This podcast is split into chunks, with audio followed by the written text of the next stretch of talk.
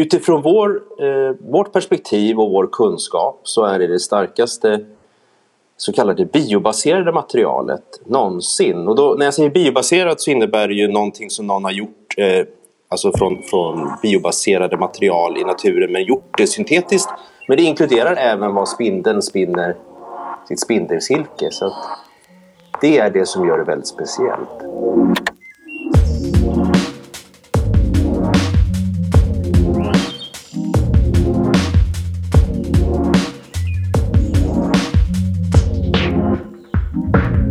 Regnet smattrar mot eh, rutorna här och det är mysigt i studion. Du lyssnar på Bioecho. Jag heter Oskar Nyström och med mig i studion finns som vanligt Victoria Österberg.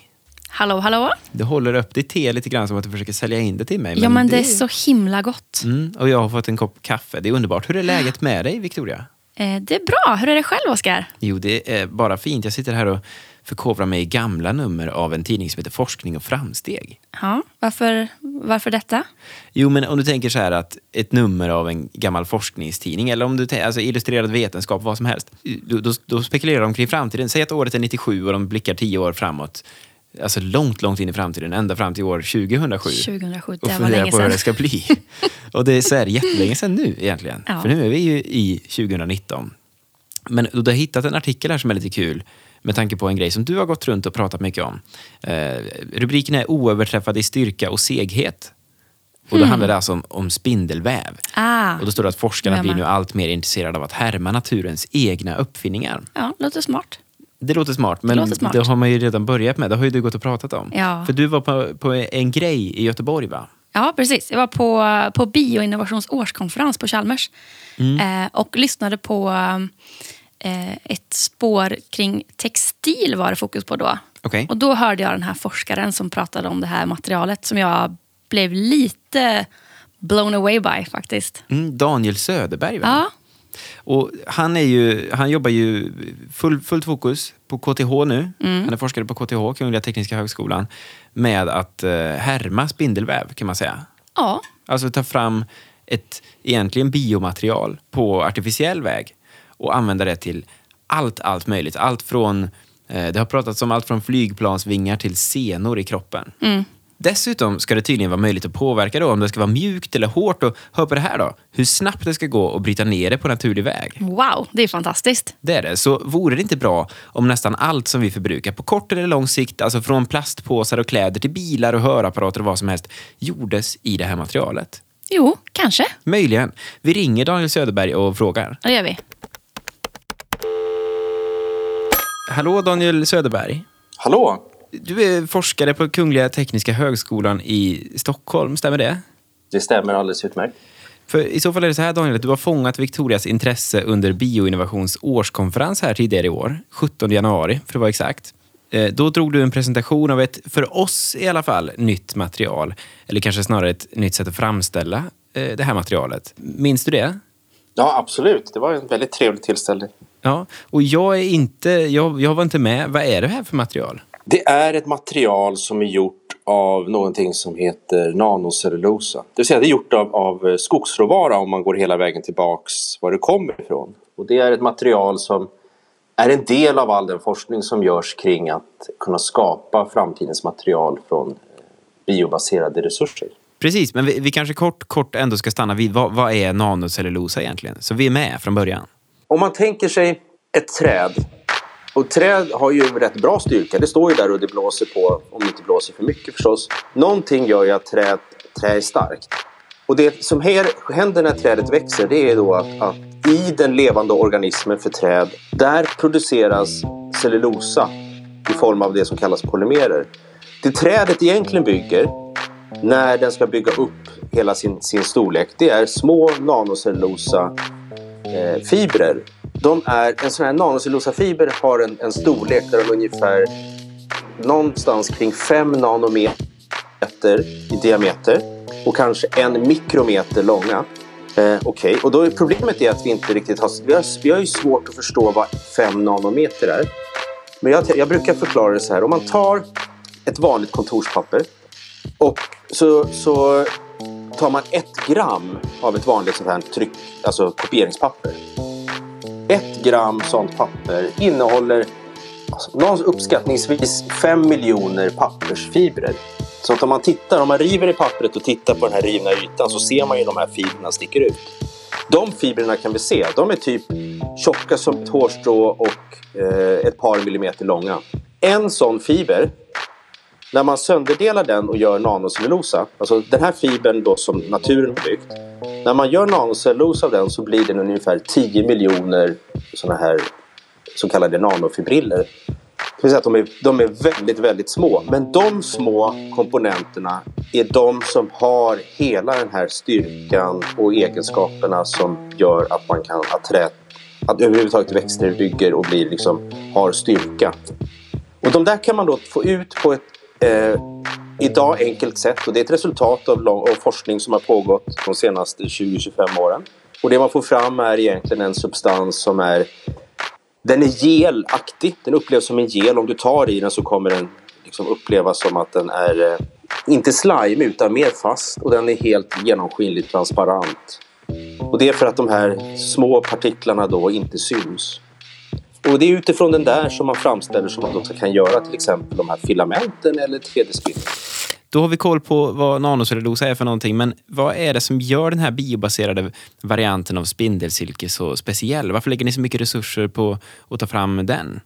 Det som är speciellt är att vi faktiskt, och det här är ju då en helt egen eh, åsikt som vi sprider och den kan ju alltid diskuteras, men utifrån vår, eh, vårt perspektiv och vår kunskap så är det det starkaste så kallade biobaserade materialet någonsin. Och då, när jag säger biobaserat så innebär det ju någonting som någon har gjort eh, alltså från, från biobaserade material i naturen men gjort det syntetiskt.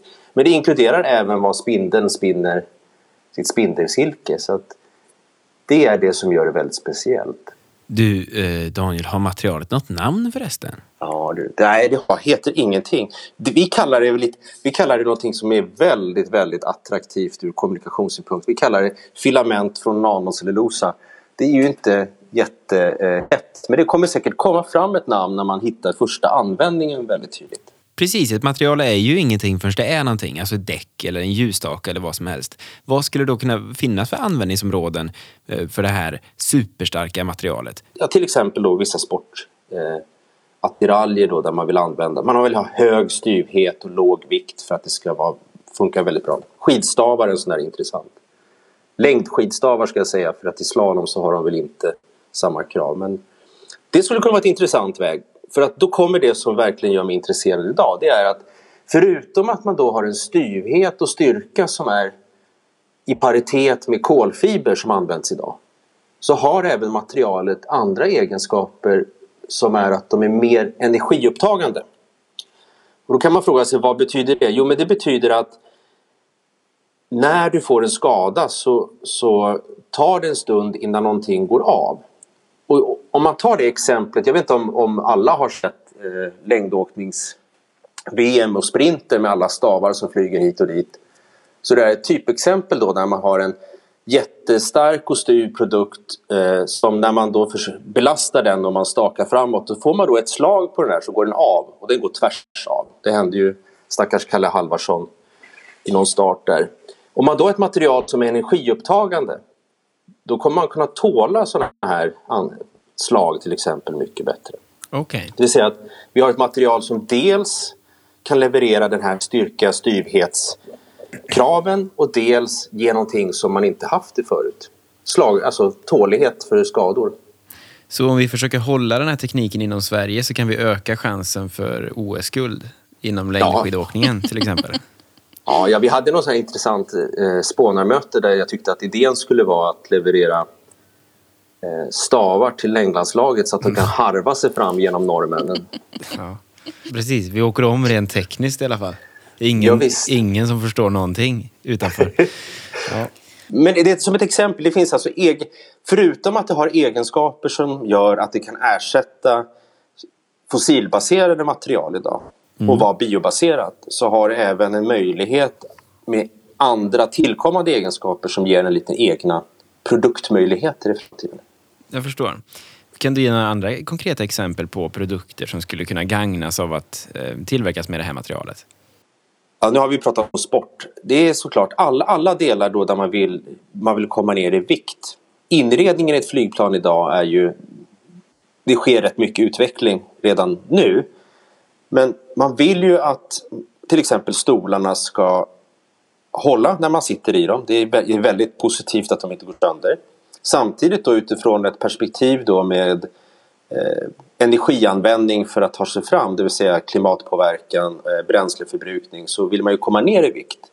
Kan man då leverera samma egenskap genom att börja ersätta de plaster och den aluminium som används idag med till exempel ett sånt här material, ja, då har man ju tagit sig ett ordentligt steg för att bidra till minskad eh, användning av fossila bränslen. Det är väldigt bra ju. Det, jag tycker att det, det, och det är ju precis där jag sa, det kommer nog aldrig bli en vinge. Men det kommer ju, det tål vatten så att det är inga problem att eh, tvätta av. Och det kommer funka att ha som en stol inne i flygplanet för det regnar sällan eh, konstant inne i flygplanet. Men kan det inte vara så här också? Det kanske aldrig blir en vinge på egen hand. Men om det kanske är någon annan som sitter och uppfinner någonting som man kan vira runt alltihop och som en liten plastfolie över. Fast inte en plastfolie utan något mycket mera.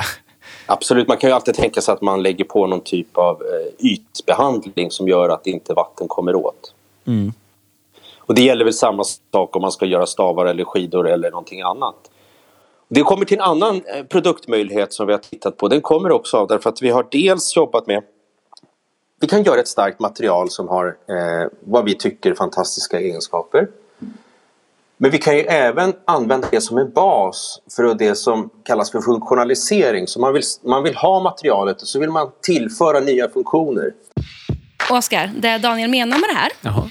Eh, det är ju att man kan göra det här materialet mer eller mindre styvt. Mm.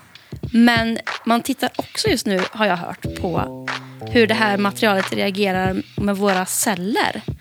Så man vill inte att materialet ska störta bort cellerna utan man vill att det ska kunna leva tillsammans. Så att det är ju ganska coolt om man ska använda det till exempel i kroppen. Verkligen. Vi får se om han säger någonting om det här då. Ja. Och en sak som vi gjort det är att tillföra funktionen att, att stödja celltillväxt. Och det vi gjorde då var att vi tog det här materialet och då var 90 procent fortfarande sån här nanocellulosa som kommer från svensk skogsråvara i det här fallet. Och 10 procent är någonting som heter eh, det, det tekniska eh, namnet är ju då rekombinant spindelsilke som kan funktionaliseras och så kan man blanda det här och så får man någonting som är starkt. Det har de här eh, egenskaperna förutom att med hjälp av den här lilla silkestillsatsen så stödjer man celltillväxt. Och då tänker vi oss att ja, vad kan man göra av det? Och då var det precis som jag sa tidigare. Ja, en sak som saknas i reservdelsportföljen för kroppen det är ju bra fungerande senor. Om man, om man behöver en ny sena idag så får man normalt ta den någon annanstans ifrån på kropp, på sig själv eller någon annan. Eh, och här har vi ett material som har egenskaper som skulle passa för senor när det gäller styrka och sen har vi då den här möjligheten att göra det så att kroppen accepterar det och att det stöder eh, att det integreras med celltillväxt i kroppen. Och det här skiljer sig då från andra material som man skulle kunna stoppa in i kroppen? I, I princip är det så att materialet genererar inte celltillväxt men det den gör är att den eh, är snäll mot, så pass snäll mot celler att när de, de kan tillväxa på materialet utan att bli, eh, om man ska hårdra det, dödade av materialets eh, yta.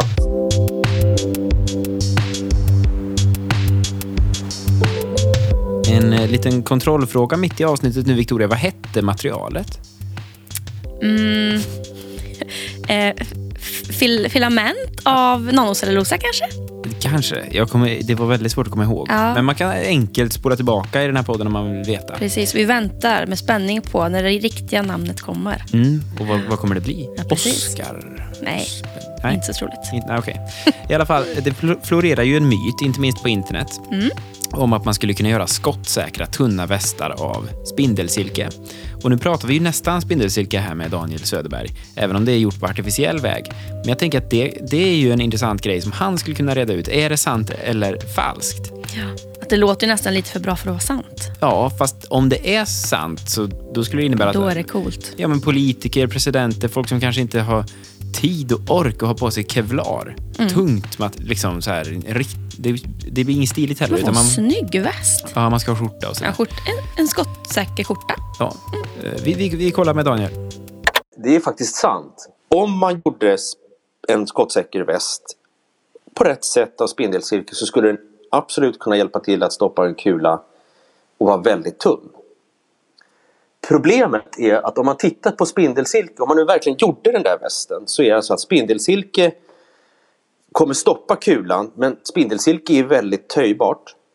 Det vill säga att om man gör en sån skottsäker väst och sen så provar man den, då kommer man finna att ja, den stoppade kulan. Men problemet kommer vara att den kommer ha stannat efter att ha passerat igenom kroppen. För att det är så töjbart. Då är det ändå ju inget, då blir det ingen hjälp direkt. Nej, det blev ingen hjälp. Tyvärr.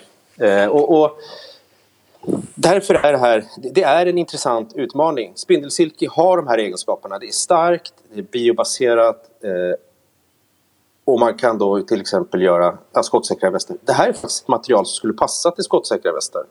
Av samma skäl som det här med staven jag pratade om. Det har det som kallas då stor energiupptagande förmåga. För det är det som behövs när kulan kommer. Det är att den liksom, kulan har mycket rörelseenergi och den ska stoppas till stillastående och då behöver ett material som kan ta den här energin som kulan bär med sig. Och därför är faktiskt det här ett material som även lämpar sig för skottsäkra västar. Det är ju inte så trevligt tillämpning men det är ack väl en möjlighet. Mm. Men det innebär alltså, om jag till exempel skulle väva en snygg skjorta av det här materialet. Mm. Då skulle det vara nästan i princip omöjligt för mig att riva i sönder den skjortan. Det skulle inte gå hål på den. Ja men alltså nu, Det, men Det beror på. Nu, får jag säga, nu kommer tekniken fram. Ja, det beror väl på. Det beror ju på hur tjockt tyget är. Mm. Men det, det kommer vara avsevärt svårare att riva sönder din skjorta än det är eh, att riva sönder din skjorta av, av bomull.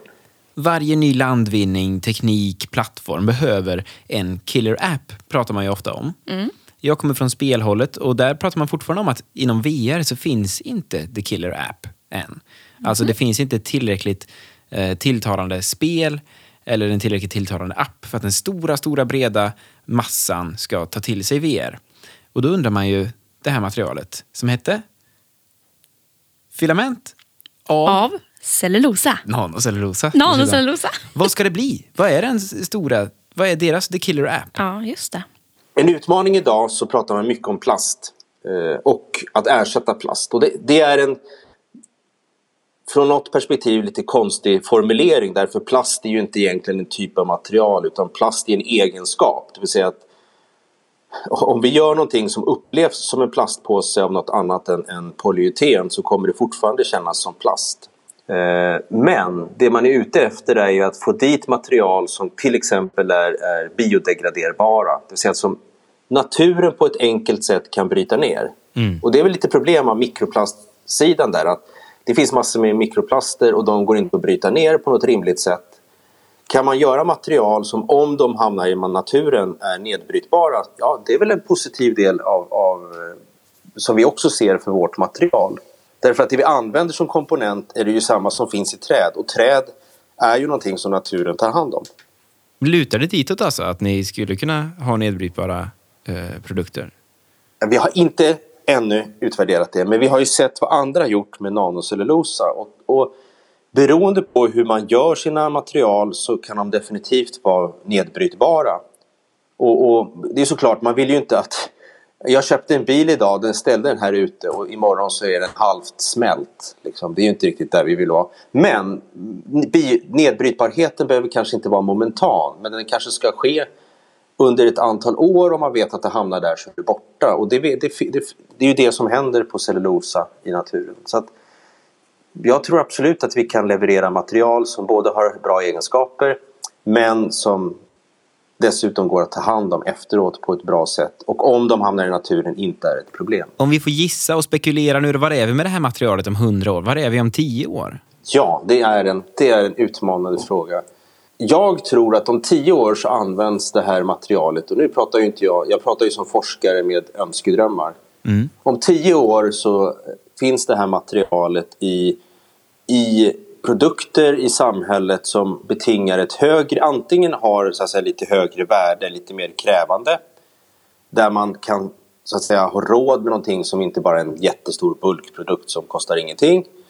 Antingen där eller att det här materialet faktiskt då kan leverera ett antal egenskaper där det blir unikt. Det finns inget annat material som kan göra det här och vi pratade till exempel om de här biomedicinska, alltså material i kroppen, eh, delen till exempel senor. De tror jag, finns, jag, tror jag finns om tio år.